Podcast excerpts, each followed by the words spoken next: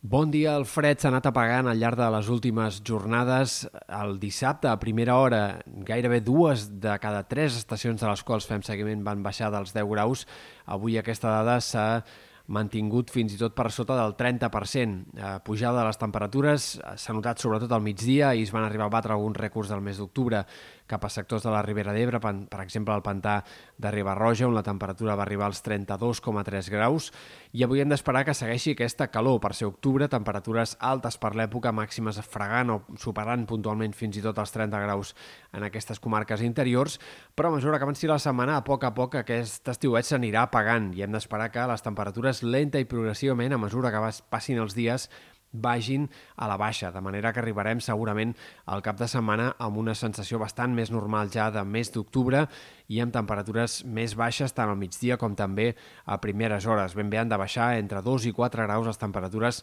entre avui i el tram final de la setmana. Pel que fa a l'estat del cel, inici de setmana molt tranquil, amb sol, algunes bandes de núvols prims i només la possibilitat d'alguns ruixats aïllats cap a l'extrem sud del País Valencià,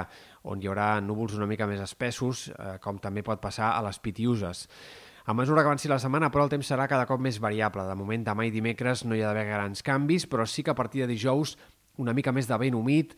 sumat a aire fred en altura, pot comportar algunes pluges entre dijous i divendres. De moment, els models de previsió apunten que sobretot aquests ruixats haurien d'afectar més aviat el País Valencià de cara a dijous i també les Balears de cara a divendres. Però no és gens descartable que també alguns punts de l'extrem sud de Catalunya, especialment Terres de l'Ebre, puguin rebre algunes pluges destacables en aquest moment, entre dijous i divendres sobretot. A part d'això, també anirà augmentant la inestabilitat al Pirineu i de cara al cap de setmana probablement hi haurà algun alguns ruixats irregulars a la serlada eh, dissabte i diumenge. A hores d'ara no hi ha indicis que aquest canvi de temps hagi de comportar precipitacions importants o destacables al Pirineu, però sí que, com més avanci la setmana, en general el temps anirà sent més variable i amb aquesta possibilitat d'alguns ruixats irregulars.